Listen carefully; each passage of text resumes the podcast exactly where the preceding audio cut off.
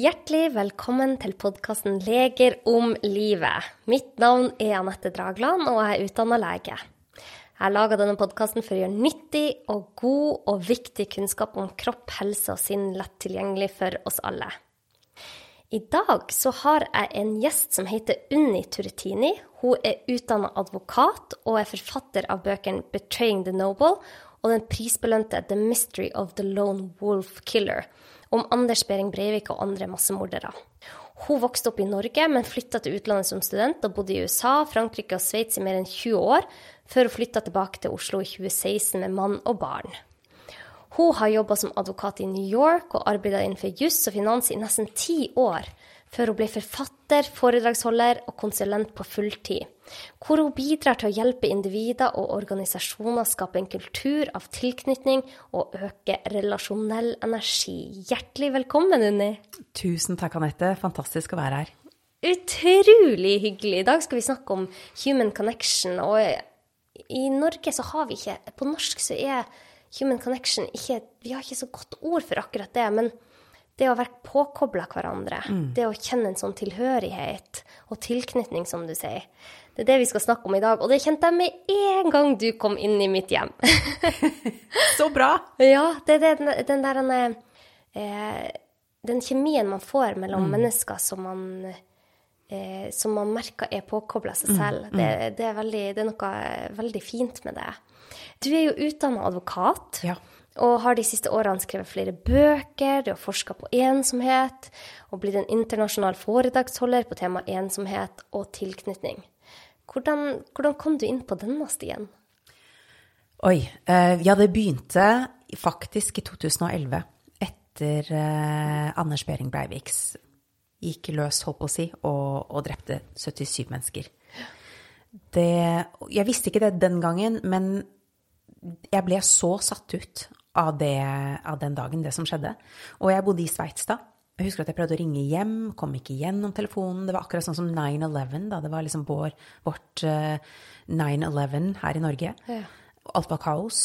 Og jeg husker det som slo meg, var at det sjokket var liksom da vi oppdaget at han var jo en av oss. Han så ut som meg, kunne vært min lillebror.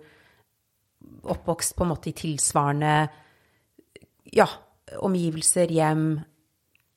Og, og, hvordan kunne dette her skje? Sånn, hvordan kunne en sånn som han over natten bli en massemorder? Mm. Så jeg bestemte meg for å dette må jeg finne ut av. Og jeg fulgte rettssaken, fikk ikke svar. Fikk, en, fikk ikke de svarene jeg søkte etter. Og noe bedre forståelse, egentlig. Så jeg begynte å studere, gravde meg godt ned i han, men jeg begynte å studere også andre tilsvarende massemordere rundt om i verden. Og mange av dem, faktisk. Ja. Og dette her ble liksom Egentlig skulle det bare være liten, et sånt lite sideprosjekt. Men det ble en fulltidsjobb. Og så endte jeg med å skrive den boken, The Mystery of the Lone Wolf Killer.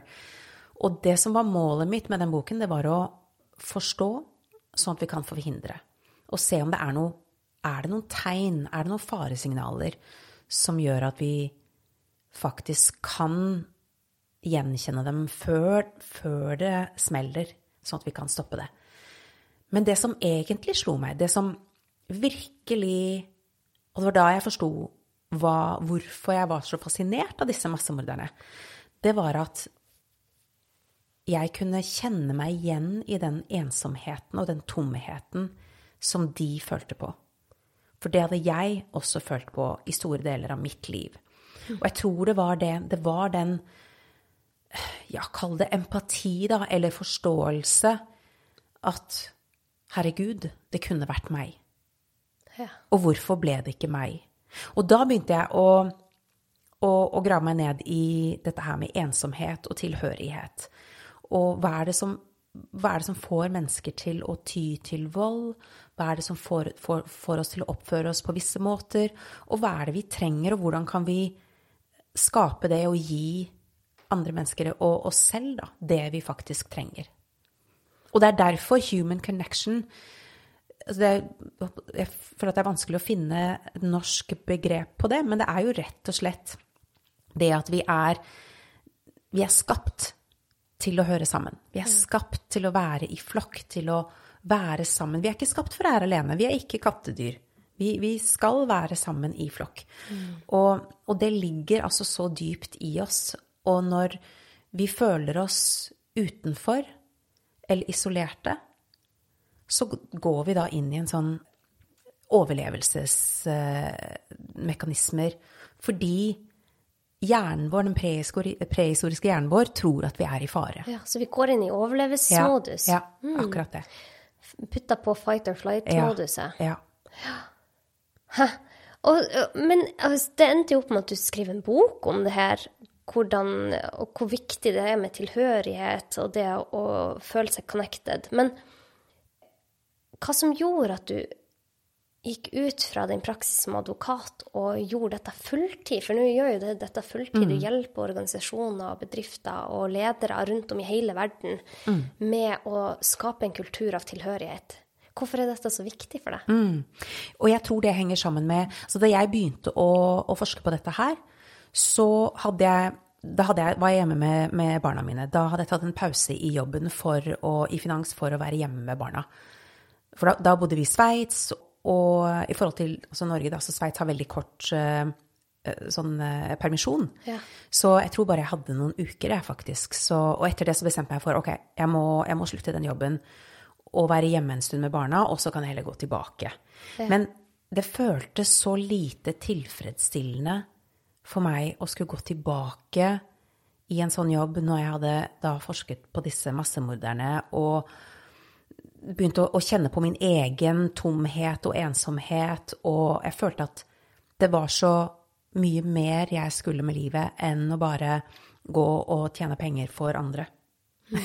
For å si det sånn. Mm. Så det var egentlig en sånn en, Og en luksus, da, å kunne faktisk ta seg den tiden med å finne ut av hva er det jeg skal med det jeg sitter nå, med den kunnskapen jeg sitter med.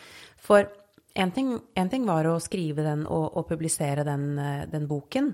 Og da, og da, ble jeg jo kjørt ut med sant, å holde foredrag i USA, for det er jo der boken min eh, kom ut først. Ja. Og, og, skulle da selge boken, da, ikke sant, så da ble jeg jo liksom sendt rundt på en sånn eh, bokturnering, ikke sant, og sånt noe. Og det var jo da jeg så skjønte at det her er jo utrolig viktig. Det er ikke bare det er mange mennesker som sliter med dette her. Det var, det, det var liksom tilbakemeldingen uansett hvor jeg var, om det mm. var på skoler, universiteter, organisasjoner, bedrifter, konferanser, så kom folk opp til meg etterpå og sa, vet du hva, det er så viktig, jeg har følt meg sånn så lenge selv. Ja. Og etter hvert da, så begynte jeg også med sosiale medier, og dele mer på sosiale medier, og særlig det er vel ca. et år siden nå, tror jeg, som jeg delte på Jeg delte en sånn liten videosnutt på Instagram om hvordan jeg hadde følt meg tom og ensom selv om jeg var gift og hadde to små barn og hadde på en måte alt jeg egentlig hadde ønsket meg i livet, da. Ja.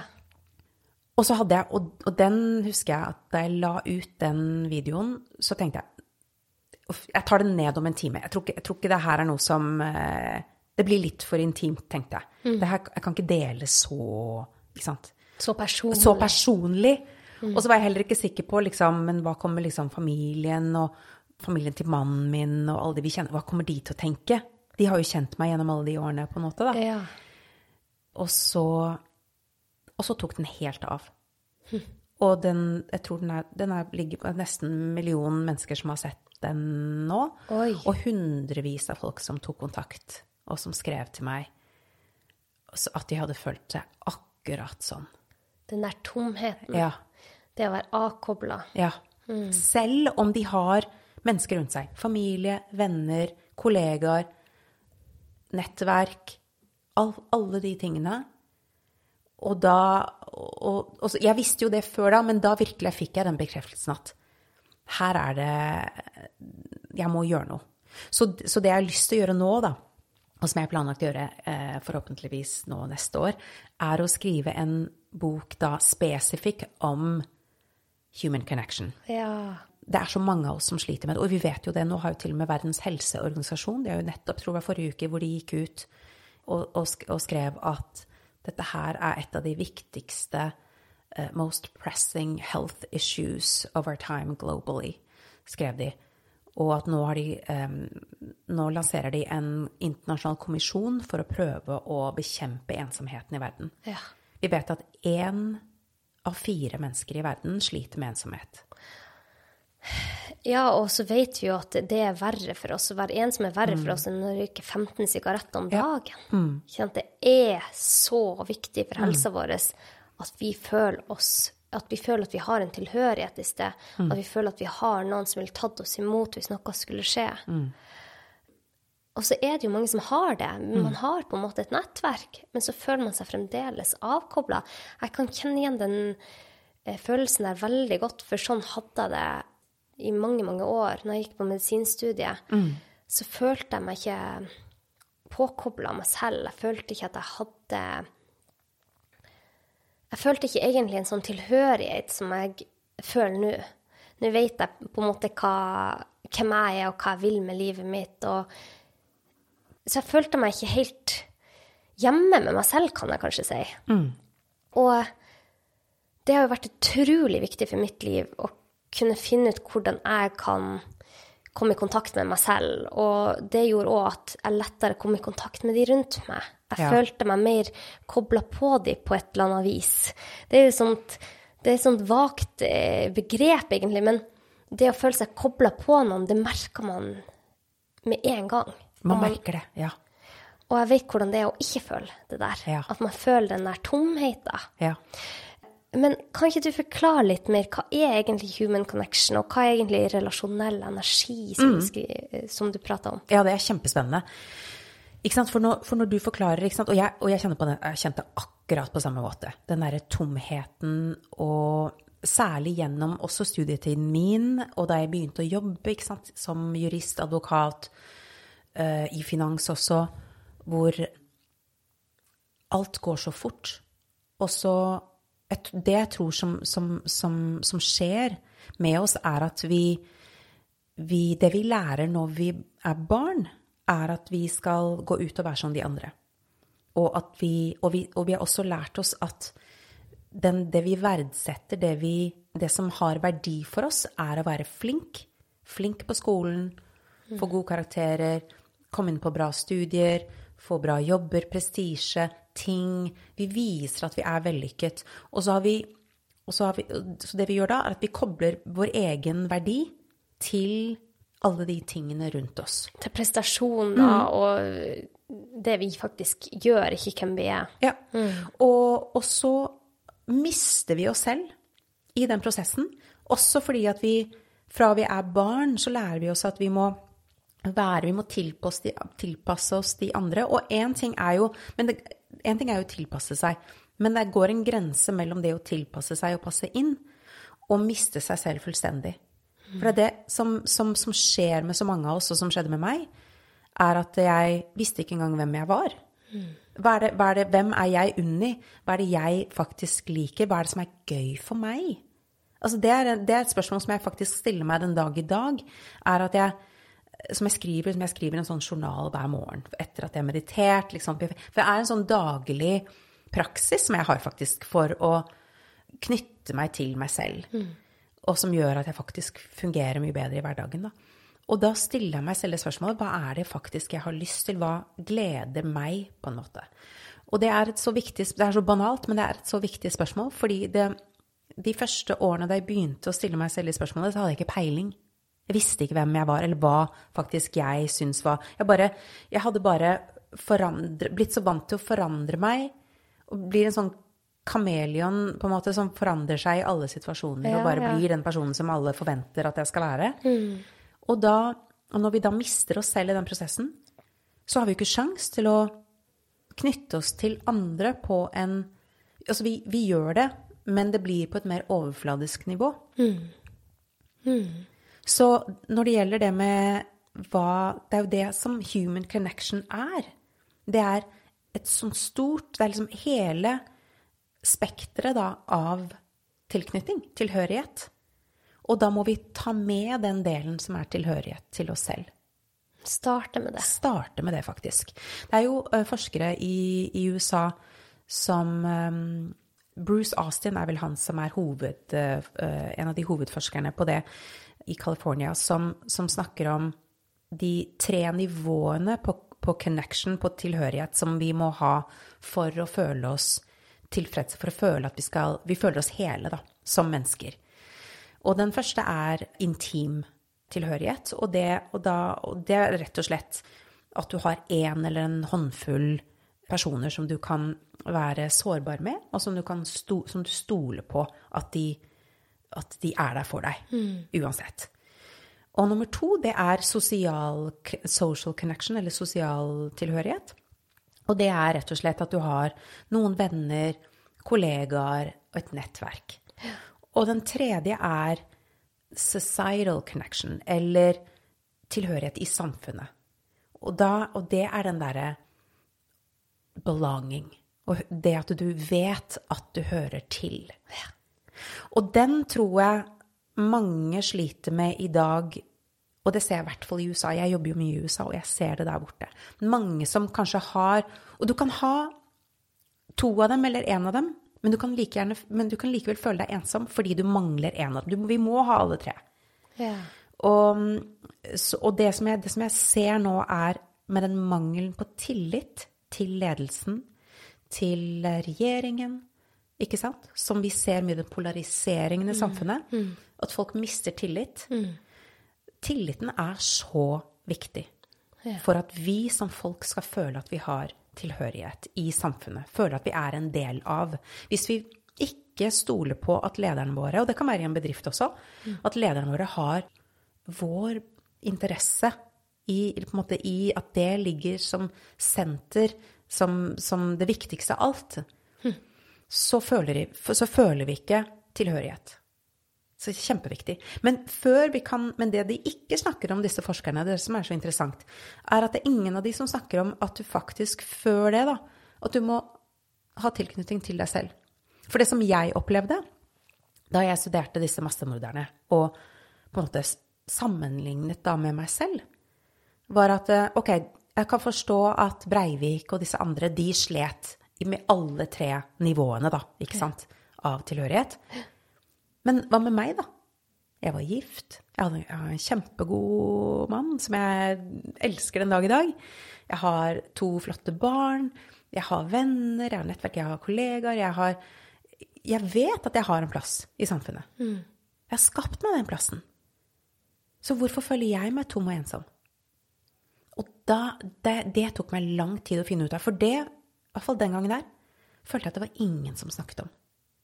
Og jeg visste ikke hvordan jeg skulle sette ord på det heller. Fordi hva er det egentlig jeg føler? Jeg følte bare en sånn tomhet. Mm. Og så kommer det en sånn tomhet med at måte, livet ikke gir så mye mening, og hvorfor gjør det det? Og da føler du skam. Jeg følte skam. Fordi hvorfor skal jeg Altså, jeg har jo alt. Ja. Hvorfor føler ikke jeg at jeg hører hjem? Det må jo være noe i veien med meg. Og det følte jeg veldig sterkt på veldig lenge. Mm. Og så var det at jeg fant ut Og da, og da jeg gikk til leger, jeg gikk i terapi, jeg holdt på å si jeg gjorde coaching. Altså, jeg leste bøker, jeg begynte å meditere, begynte med yoga. Og det tok meg flere år å finne ut av det der. Og så plutselig en dag så var det som om jeg følte en sånn varm følelse i kroppen. Og, og, så kjente jeg på en måte at jeg var i kroppen. Og da skjønte jeg at Herregud, jeg har, faktisk ikke vært i kontakt med kroppen min. Jeg har liksom levd her oppe i hodet med alle listene mine og alle, altså alt det jeg skal gjøre, og alt det jeg må gjøre og prestere og få til. Og alle tankene mine. Men helt altså frakoblet min egen kropp. Og og akkurat da jeg kjente det, så kjente jeg også hjertet mitt. Jeg kjente en sånn varmhet da, som bare spredte seg liksom utover hele kroppen min og opp i hodet. Og jeg følte meg hel. Mm. Og så følte jeg en sånn at ok, alt er bra, liksom. Og jeg følte en takknemlighet som jeg aldri hadde følt før. Og jeg følte at jeg har nok. Jeg ønsker meg ingenting mer. Jeg bare er sånn fullstendig tilfreds og fred med meg selv. Mm. Som jeg aldri Faktisk aldri kan si at jeg har følt før. Mm.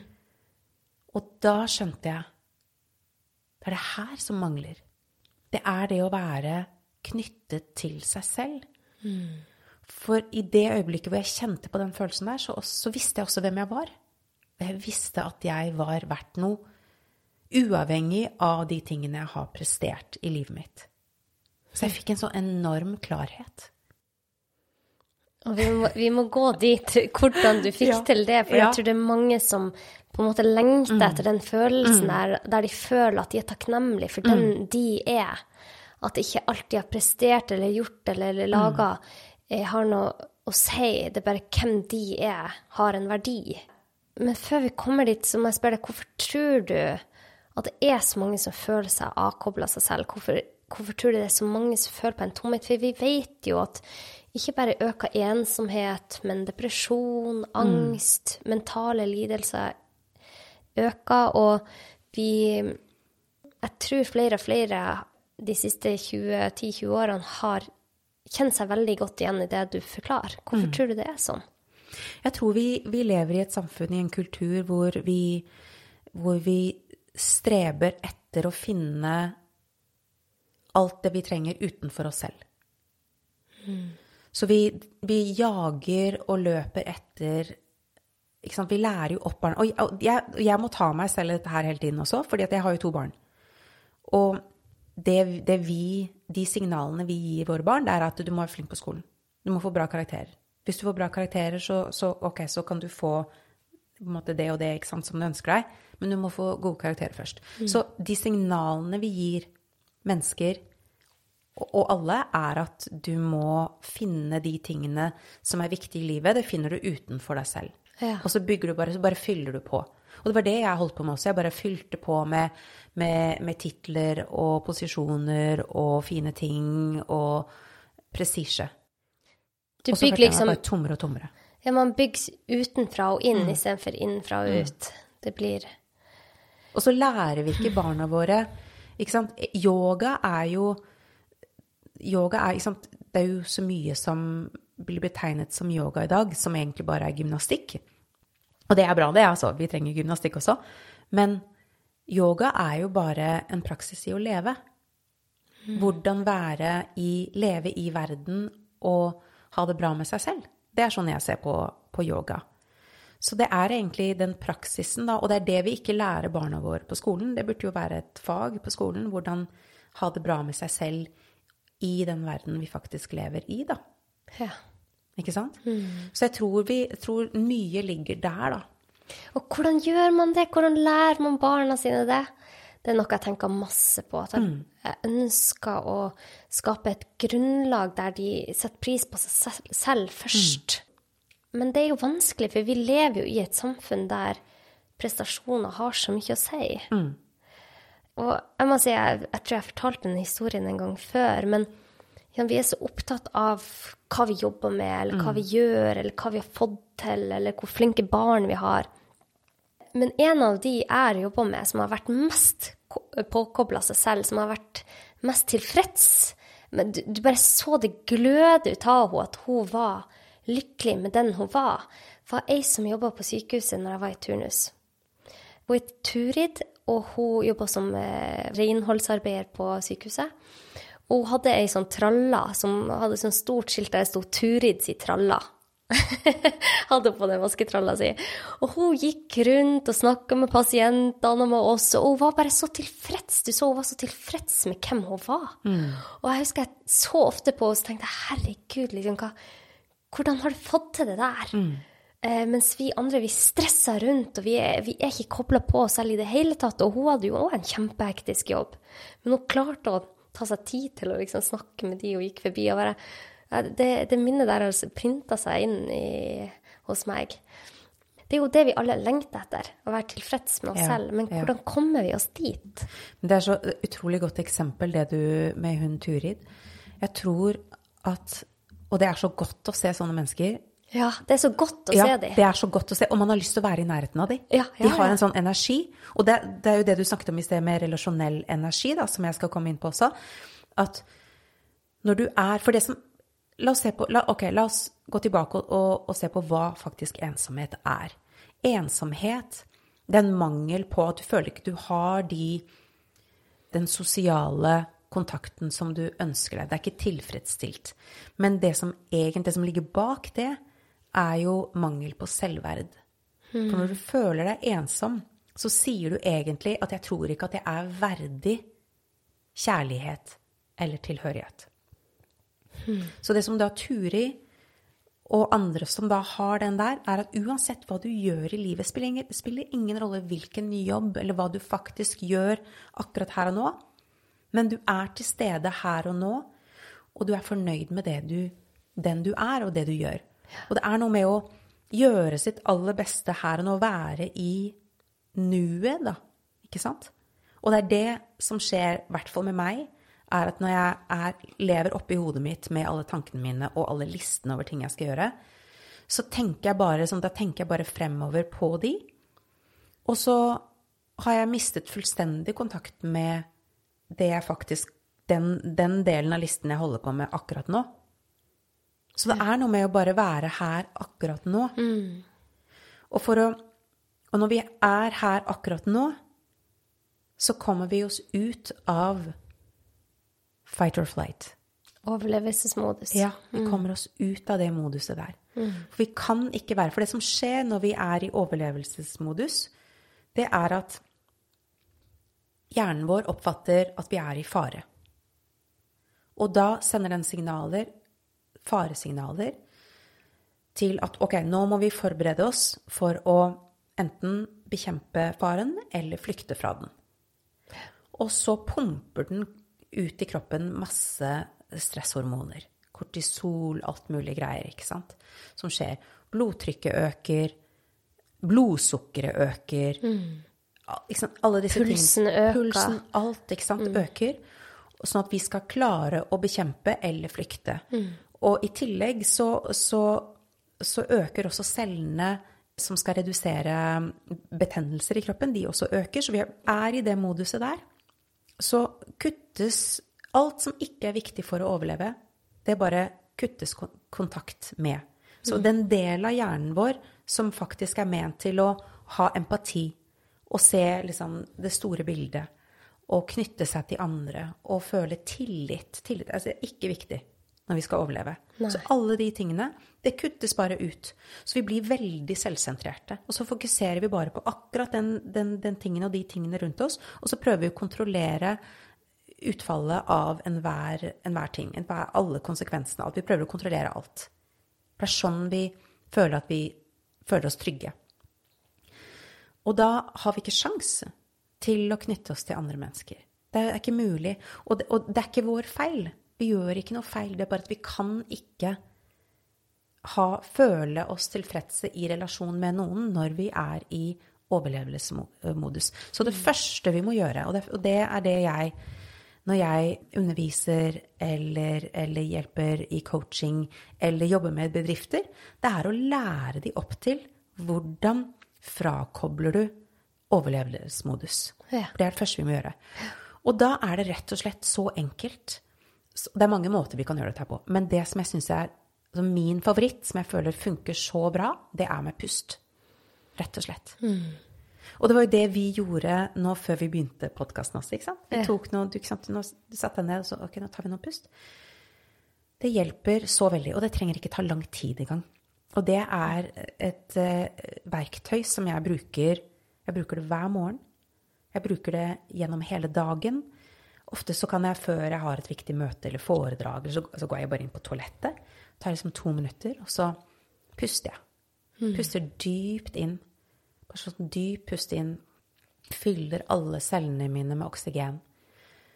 Og så puster jeg ut, og så gir jeg slipp på det jeg ikke kan kontrollere nå. Så gjør jeg det noen ganger. Og det her vet vi funker. Pust, det funker. Ja. Special Forces bruker dette her i USA hver eneste dag. For når de må ta viktige beslutninger i veldig, veldig Hva skal si Altså mer stressende situasjoner enn de er i, det, det, det er vanskelig å, å få til. Så hvis de klarer det, og det funker for dem, så tenker jeg da funker det for meg også. Og det gjør faktisk det. For det som skjer da, er at eh, vi klarer å frakoble det sympatiske nervesystemet og koble oss på det parasympatiske nervesystemet. Det er det som, eh, som skjer når, eh, når, vi bruker pust Ja. og bare roer ned. Ja. Så det skjer automatisk. Trenger ikke stresse med at å, funker det eller funker det ikke. Vi vet det funker. Og det kan ta så, så kort tid som bare noen sekunder, eller kanskje et par minutter. Ja, for det du forteller kroppen din når du har tid til å stå i to minutter og bare puste dypt, så forteller kroppen din at du er trygg. Ja. Og jeg bruker det selv, og det har vært et kjempeviktig verktøy for meg. Og jeg er ikke sånn som klarer å gjøre masse Altså bruke en halvtime på sånne ting om dagen. Sånn, nei, jeg er litt for vimsete for det. Men det jeg gjør, er at jeg bare Hvis jeg går inn i et møte, så puster jeg bare noen to-tre ekstra dype trekk før jeg åpner døra. Eller sånn som det jeg kan gå på toalettet i et minutt hvis jeg holder et foredrag.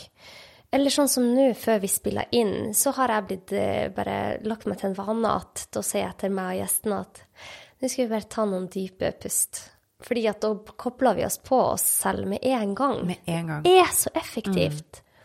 Og jeg tenker at eh, det er sånne raske, små triks som gjør at vi blir mer påkobla oss selv. Det som et sånt Altså, det, det er så enkelt at man tror at det er bare en vits, men så har det så mye å si. For hadde man, noen møtt meg for 15 år siden, så hadde de jo ikke kjent meg igjen, nesten. Eller de hadde følt at jeg i hvert fall var blitt betraktelig mye mer roligere. Fordi at jeg har de der verktøyene. Selv om jeg er en person som har mye som skjer i livet hele tida, så har jeg pusten som tar meg tilbake til meg selv i løpet av dagen, som gjør at jeg sier til kroppen min at ja, du har mye å gjøre, men du er trygg. Absolutt. Og det som skjer, ikke sant, når vi frakobler, avkobler den overlevelsesmodus, så, så, så kjenner du Du bare Ok, du er til stede. Og da får da, Vi får en klarhet. Vi får all sånn forvirring, sånn hjernetåke ofte. Alle de tingene som, som jeg slet med før. Det bare liksom forsvinner. Og så det som skjer da også, og det er det som er så Og jeg, jeg syns det er magisk. Det er kanskje ikke magisk, men jeg føler at det er magisk. For når vi da møter mennesker, når vi er bare i oss selv, selv om det er i et møte i heisen Jeg, jeg forteller ofte en historie når jeg holder foredrag. Det, det, da jobbet jeg eh, i finans, jeg jobbet i Genéve, i i eh, i en sånn investeringsbank. Og så ble jeg sendt av sjefen min en gang til Moskva, til en sånn stor finanskonferanse i Moskva.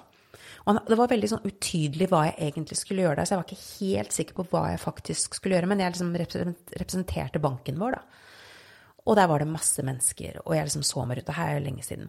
Og jeg så det, jeg var den eneste kvinnen. Det var ingen, bare menn i finans, Ja. i sorte dresser. Og så var det en annen kvinne som jeg så, og det var Madeleine Albright.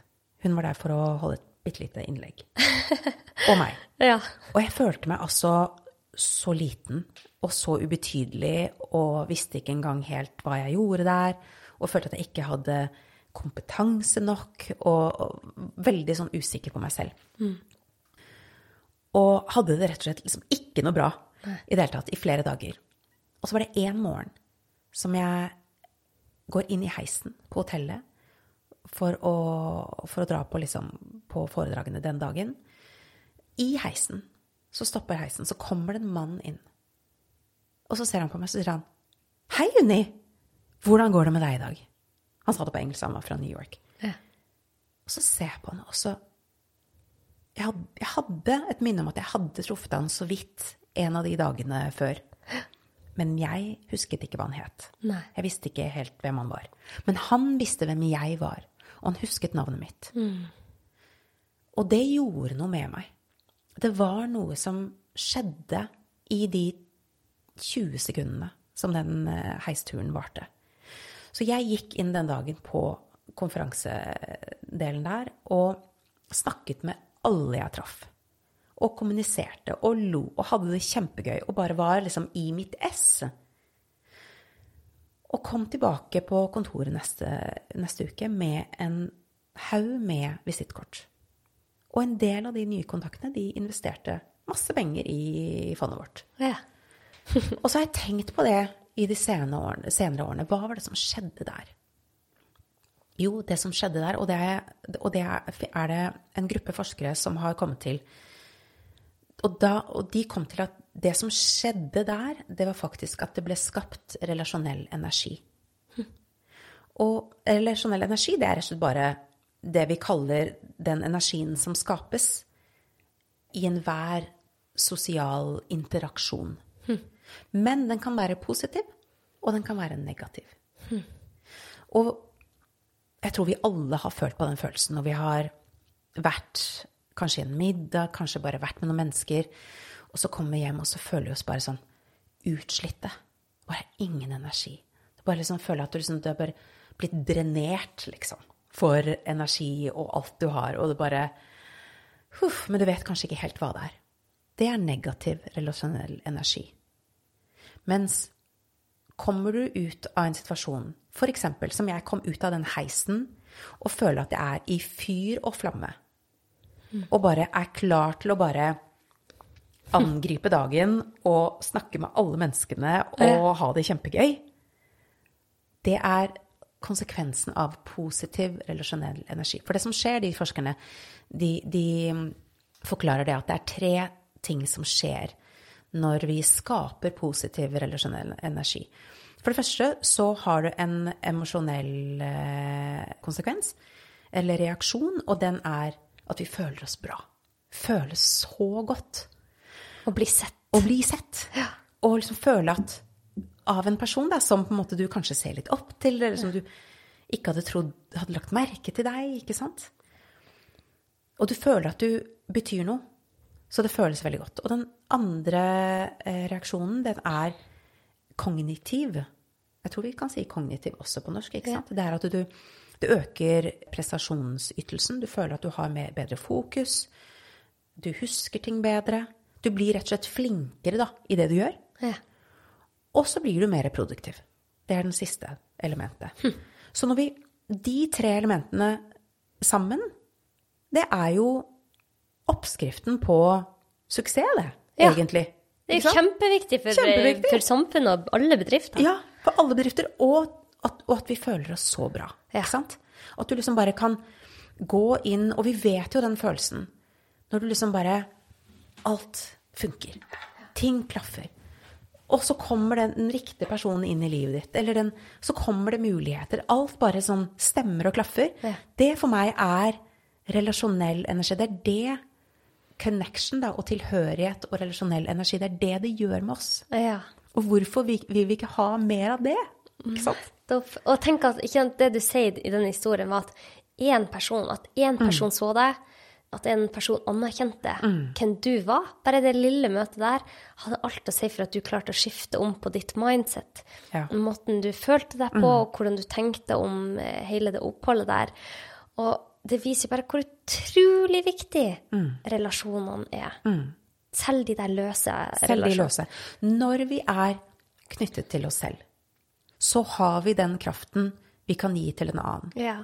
Men når vi, er, når vi møtes, og vi er alle i, i, i overlevelsesmodus, så har vi ikke den effekten på hverandre. For det er allerede er vi så frakoblet fra oss selv. At man klarer ikke å koble seg Nei. på noen andre. Nei. Herregud, det minner meg om altså Her om dagen så var jeg på butikken, og så er det en på butikken som Han bare er så dyktig i jobben sin, og han er så Han, har, han er påkobla seg selv, så han har den der han er auraen rundt at folk rundt blir glad når de er rundt han. Og så har ikke jeg sett han på kjempelenge. Og så sa jeg 'Hei, der er du tilbake'. Og han bare 'Ja, jeg har vært borte i et år'. Jeg bare 'Hva har du gjort?' Og så forteller han meg at han har vært ute og reist og vært i Japan, og jeg bare eh, jeg, blir, jeg kjenner den der energien hans lenge etter at jeg går fra butikken. Så den der energien som vi kan skape oss mellom oss mennesker, det, det er nesten umulig å skape for seg selv. Man må komme i kontakt med andre mennesker for å få den der energien. Eh, Så eh, morsom historie du kom med, og jeg tenker at dette er jo så relevant for hvordan samfunnet er akkurat nå, der så mange ikke føler det der. Men du har- jeg har sett på flere foredrag, du har vært på TEDx, og du er veldig, veldig god på å formidle dette eh, budskapet på en sånn lett og effektiv måte. Og du hadde noe du kalte de tre C-ene. Hva er de? De tre C-ene, ja. Det er eh, på engelsk, så det er connection, confidence og contribution. Så connection er jo tilhørighet, den første. Ja. Og der deler jeg mellom da tilhørighet til andre og tilhørighet til oss selv, da, som vi har snakket om, snakket om nå. Og tilhørighet til oss selv, det er jo den å koble fra overlevelsesmodus og finne seg selv igjen. Komme liksom inn i seg selv igjen. Og da kan vi skape relasjonell energi og tilhørighet med andre. Så det er på en måte den, den, den første scenen, da. Og C nummer to, selvfølelse, eller selvverd, vil jeg nesten si at det tilsvarer på, på norsk. Fordi, som jeg var inne på litt tidligere, er at ensomhet er jo en følelse av at vi ikke er verdig kjærlighet eller tilhørighet. Det er det som er så vondt med, med ensomhet. At vi mister selvtilliten vår. Vi mister følelsen av at vi er verdt noe. Og, så derfor er det så viktig å bygge opp selvfølelsen vår, og bygge opp selvverdet. Ja. Og det er en, en, en Det er jo ikke bare en sånn ting som er gjort eh, over natten, det heller. Du kan ikke knipse, så er det Nei. gjort. Det bygger seg opp. Det bygger seg opp. Og, og sånn som jeg ofte sier til folk, det er at eh, du kan ikke lese deg til selvtillit. Du kan ikke, det, det, det funker ikke å bare høre på noen andre snakke om selvtillit, hvordan du bygger opp. Du må gjøre det selv. Du må faktisk ta de skrittene og, og være litt ukomfortabel, da. Fordi du faktisk tar en risiko. Du gjør noe du kanskje ikke er vant til å gjøre. Du bygger opp den derre OK, å, jeg klarte det. Ikke sant? Ta noen sånn Så jeg sier ofte gjør noe, et eller annet hver eneste dag, som du syns er litt ukomfortabelt. Kanskje er det å ringe til en person som du har lyst til å være venner med, som du aldri har egentlig Ja, som du egentlig ikke er i vennekrets med, da. Ta kontakt med den personen, spør om Har du lyst til å ta en kaffe? Det er ukomfortabelt. Det føles litt sånn derre jeg, jeg merker at jeg liksom bare blir litt sånn, litt sånn klam i hendene av å tenke på det, til og med, ikke sant? Ja. Men det å ta et sånt, et sånt grep, da. Eller kanskje det er noe du har lyst til å F.eks. hvis du har lyst til å holde foredrag, ikke sant? Så meld, meld deg på et sånt eh, Et eller annet sånn hvor du kan faktisk snakke for mennesker, eller tilby deg på jobb, da. At du skal formidle noe, ikke sant, for, eh, for teamet ditt, ikke sant. Et eller annet. Bare to-tre stykker hvis du er veldig nervøs. Ikke sant? Ja. Absolutt. Men, men gjøre sånne ting, venne seg til å gjøre ting vi er ukomfortable med. Fordi det styrker nettopp den derre mestringsfølelsen. Som bygger da Som bygger selvtillit og selvfølelse og selvverd. Ja. Og jeg har eh, hatt en gjest inne flere ganger som heter Øystein Pettersen. Han er tidligere langrennsløper og er nå en anerkjent foredragsholder. Og han sier det der med at selvtillit er det å ha tillit til seg selv. Ja. Og det er, det, mest, det er noe av det som har truffet meg mest når Ja. det kommer til selvtillit. Fordi det er akkurat det. Ja. Jeg, for jeg hadde jo veldig dårlig selvfølelse i mange år. Og når jeg begynte å ha tillit til at jeg sto opp for meg selv, at jeg satte grenser for meg selv, at jeg tok valg som jeg ønska, ikke alle andre rundt, men det jeg selv ønska, så bygde jeg opp en tillit til at jeg kan stole på meg selv. Og det handler om bare sånne små ting som at OK, i morgen så skal jeg gå opp til den personen og si vet du hva, jeg syns du gjør en kjempegod jobb. Ville ha gjort meg kjempenervøs for å si det til en overlege, f.eks. Men så sa jeg til meg selv ok, hvis jeg gjør det, så skal jeg ta meg en havre cappuccino eh, på kaffebrenneriet, bære meg selv og bare liksom Ja. gi meg selv en sånn eh, klapp på skuldra for at jeg klarte det. Ja. Og når jeg faktisk gjennomførte det og ga meg selv eh, noe bra for at jeg klarte det, så bygde jeg opp tillit til meg selv. Ja.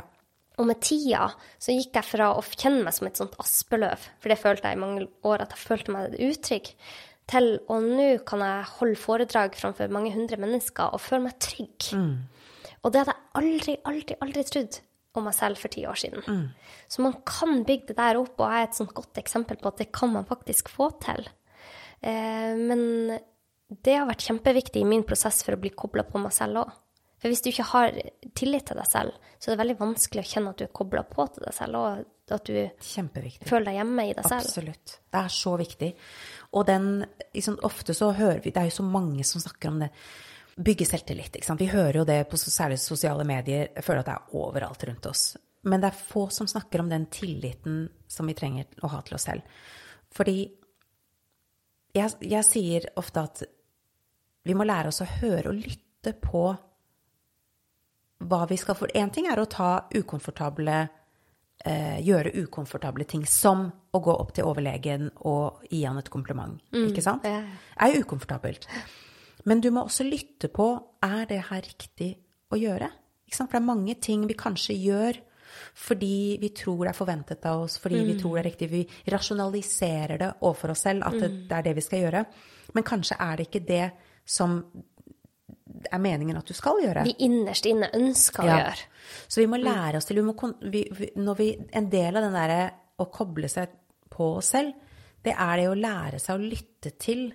Føles det her riktig? Føles det som et ja? Føles det som et nei? Og jeg kjenner det i kroppen min. For mange kan få en sånn stemme kanskje som, som, som, som, som prater bak der om det er nei eller ja, liksom. Men for meg så kjenner jeg det Hvis det er et nei, så føler jeg meg litt tung. Litt sånn mørk i kroppen. Men hvis det er et ja, så føler jeg at det er en sånn sommerfugler Sånn Ja, en sånn uh, Letthet. letthet, rett og slett, Ja, ja. i kroppen som bare Ja! Det har jeg lyst til. Ja. Og jo bedre jeg blir på å kjenne etter hva som er riktig for meg, da, jo lettere er det å kjenne det også. Så man begynner med de små tingene, sier jeg. Begynn med liksom Har jeg lyst til å, å gå ut i kveld på den middagen og kanskje drikke vin og, og vite at jeg våkner opp i morgen, og så kommer jeg til å ha en ganske dårlig dag hvor jeg er frakoblet meg selv? Eller har jeg lyst til å gå og legge meg tidlig, kanskje lese et kapittel i en bo god bok, og våkne opp i morgen og føle meg fantastisk? Ikke sant? Det er liksom Ja. de valgene der. Ja. Og så tror jeg det er viktig også, for mange i hvert fall, er at hvis man er i tvil, hvis det ikke er et klart ja, så er det et nei. Og, og da kan vi trene oss opp til å lytte på den følelsen, da. Det vi får om det er et ja eller nei, i, i sånne små ting.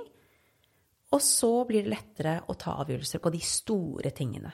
Skal jeg ta den jobben? Skal jeg slutte i den jobben her? Skal jeg flytte? Skal jeg, hva skal jeg gjøre? Ikke sant?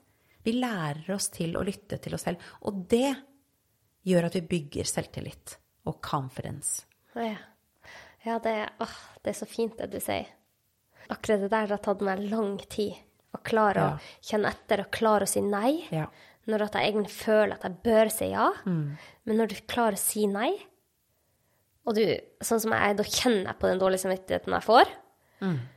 Men så kjenner jeg også, eller jeg sier til meg selv, nå har jeg tillit til meg selv. Ja.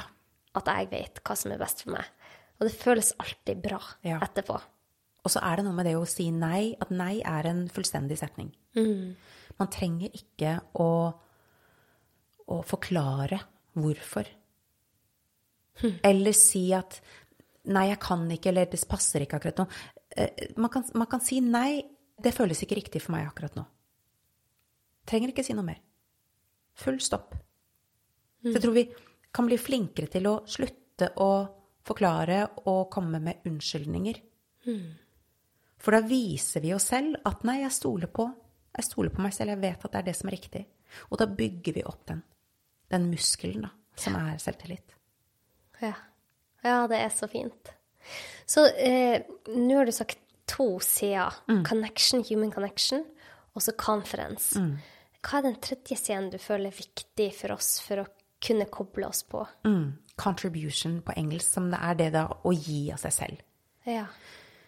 For det som skjer når vi det, det, Faktisk, det å gi av oss selv, det er et av de mest grunnleggende behovene som vi mennesker har. For det som skjer når vi gir av oss selv, er at vi føler at vi betyr noe. Vi er verdt noe. Og når vi gir av oss selv, når vi hjelper en annen, så går plutselig fokuset fra oss selv og fra vår lille, lille egosentriske verden og over på en annen. Og da glemmer vi, i det øyeblikket, så kan vi glemme alle de tingene som ikke funker i livet vårt, alle de, tingene som alle de grunnene til at jeg ikke er lykkelig akkurat nå, det glemmer vi i det øyeblikket vi hjelper en annen. Og jeg pleier å si det at det, det er ikke så mye som skal til. Bare tenk på den heisopplevelsen, 20 sekunder i en heis hvor du snakker med noen, hvor du viser noen oppmerksomhet, eller du går opp til overlegen på sykehuset og sier at han gjør en fantastisk jobb, eller henne en fantastisk jobb. Bare gi et kompliment. Gi noen din fulle eh, Tilstedeværelse. ja, tilstedeværelse. Det er en gave i dag. Til og med at det, det føles jo som, er, som det er så lite. Men hvis du er med noen, og du legger ned telefonen, du legger bort telefonen din, og så ser du direkte på den personen du er med, og så holder du ikke på med å sende en melding eller sjekke Instagram eller, sant, mens du snakker med den personen. Da sier du, da forteller du til den personen du er med, at du er viktig for meg. Du er den aller viktigste personen i livet mitt akkurat nå. Og det føles godt. Så det, trenger, det å gi av seg selv trenger ikke være så voldsomt. Trenger ikke være at du liksom du går du gir slipp på alt du har i livet, og så og, og reiser du til Afrika for å hjelpe flyktninger. Det trenger ikke Det kan være det, men det trenger ikke være det. Vi kan gjøre det veldig enkelt også. Ja. Og det føles så godt å gi. Det er noe av de største gavene man har. Den der gode følelsen man har når man gir til noen andre. Og det var veldig fint. Så du tenker at det er viktig å ha fokus på de tre hvis du kjenner på en tomhet og ønsker å kanskje bli mer kobla på. Så, så kan de tre sidene hjelpe. Ja. Conference, connection med deg selv og andre, og eh, contribution. Ja. Det å gi. Ja. Det å gi av seg selv. Ja, veldig fint. Hva gjør du selv når du kjenner på en tomhet? Da forsøker jeg å puste. Det første jeg tyr til, er pust. Og jeg, også, jeg har også en sånn jeg har en sånn praksis, en sånn ting som jeg altså, Hver eneste morgen så står jeg opp, og så mediterer jeg litt. Hvordan jeg- mediterer du? Da pleier jeg Jeg syns det funker for meg med en sånn meditasjon som jeg lytter på, og hvor det er liksom musikk. Jeg bruker mye Joe Dispenza, Ja. hvis noen har hørt om, øh, som har hørt om det. Men Han forskeren. Mm. ja, Forskeren, ja, absolutt. Og han, det er masse som ligger ute der på Så det er bare å, å søke på Joe Dispenza, medit meditation eller meditasjon, så kommer det opp masse gratis meditasjoner som han har. Så jeg bruker en som, som jeg har brukt mye i det siste nå, som er 15 minutter lang. Ja. Da setter jeg på den, og så lukker jeg øynene, og så bare lytter jeg på det, det han sier. Og så fokuserer jeg på hjertet. Fokuserer på å komme ut av hodet mitt og bare i hjertet og lande i kroppen. Og så puster jeg dypt og langsomt samtidig. Men han forteller deg alt du skal gjøre, så du trenger ikke å liksom sånn Og det funker veldig bra for meg. Og så etter det nå, nå høres jo dette her kanskje litt voldsomt ut, men nå har jeg gjort det over lang tid. Da, så, jeg, har liksom, jeg setter av lang tid på morgenen for å gjøre dette her. Ja. Men da setter jeg av 15 minutter cirka til meditasjon, og så tar jeg en sånn 15-20 minutter til hvor jeg skriver i Da har jeg en sånn journal, daglig journal, og så skriver jeg. Og, og så skriver jeg hvordan følte jeg meg før meditasjonen, hva var intensjonen min med dagens meditasjon? For ofte så føler jeg at det er mer effektivt hvis jeg går inn med en intensjon. For eksempel Akkurat nå føler jeg meg litt stresset, jeg føler at jeg har mye å gjøre i dag, så jeg må bare roe ned, føle at jeg har nok tid. Så, så intensjonen min er at jeg skal føle at jeg har nok tid, og at jeg har det jeg trenger for å takle dagen. Og så, og så skriver jeg etterpå skriver jeg bare noen, noen, et par setninger om ok, funket det? Hvordan føler jeg meg akkurat nå? Og så stiller jeg meg selv et spørsmål i journalen min. er hvem har jeg lyst til å være i dag? Og bare det å stille meg selv det spørsmålet, skrive det for hånd, og så begynner jeg å skrive. Og da bare sånn skriver jeg uten å egentlig ha bestemt meg for hva jeg skal skrive. Bryr meg ikke noe om hvordan det ser ut, om det er riktig stavet, ikke sant. Ingenting. Det er bare sånn friskriving. Det er ingen som skal lese det. Nei, ingen, ingen som skal lese det. Til og med jeg les, pleier ikke å lese mine egen, eh, egne journaler heller. Men jeg bare skriver det ned. Og så, og så, og da kommer det ofte frem sånn I dag så føler jeg meg Jeg føler meg trygg på meg selv. Jeg vet jeg har alt jeg trenger. Jeg føler at jeg har det som skal til for å hjelpe de menneskene jeg skal hjelpe i dag. Jeg føler at det foredraget jeg til å skal holde i dag, det kommer til å gå kjempebra. Jeg ser det for meg. Så ser jeg for meg, så visualiserer jeg mens jeg skriver, hvordan jeg føler meg av den, og kanskje en person som kommer opp til meg etterpå vil snakke med meg om noe av det jeg har sagt, ikke sant? Og hvor godt det føles å ha en sånn, den relasjonelle energien da, som blir skapt mellom meg og de som jeg snakker med. Og så kjenner jeg på den følelsen. Det, og det tar ikke så lang tid. Det er bare liksom noen minutter hvor jeg på en måte sitter der, og hvem skal jeg være i dag? Jeg bestemmer meg for det hver morgen. Så det er, eh, det er det jeg begynner dagen med. Nå er jeg veldig ofte Altså, jeg mye, lever mye oppi hodet mitt med alle listene over alt jeg skal gjøre, og alt jeg skal sånn, Det er mye som skjer. Som vi alle er. Som vi alle er. Ja. Eh, og da føler jeg at jeg må bevege på kroppen min. Så jeg liker å trene. Og noen ganger så blir det kort, så blir det kanskje 15 minutter litt yoga i kjelleren. Eller så tar jeg meg en gåtur. Eller så har jeg faktisk, jeg har faktisk begynt å trene på Barry's bootcamp. Jeg har hørt om det!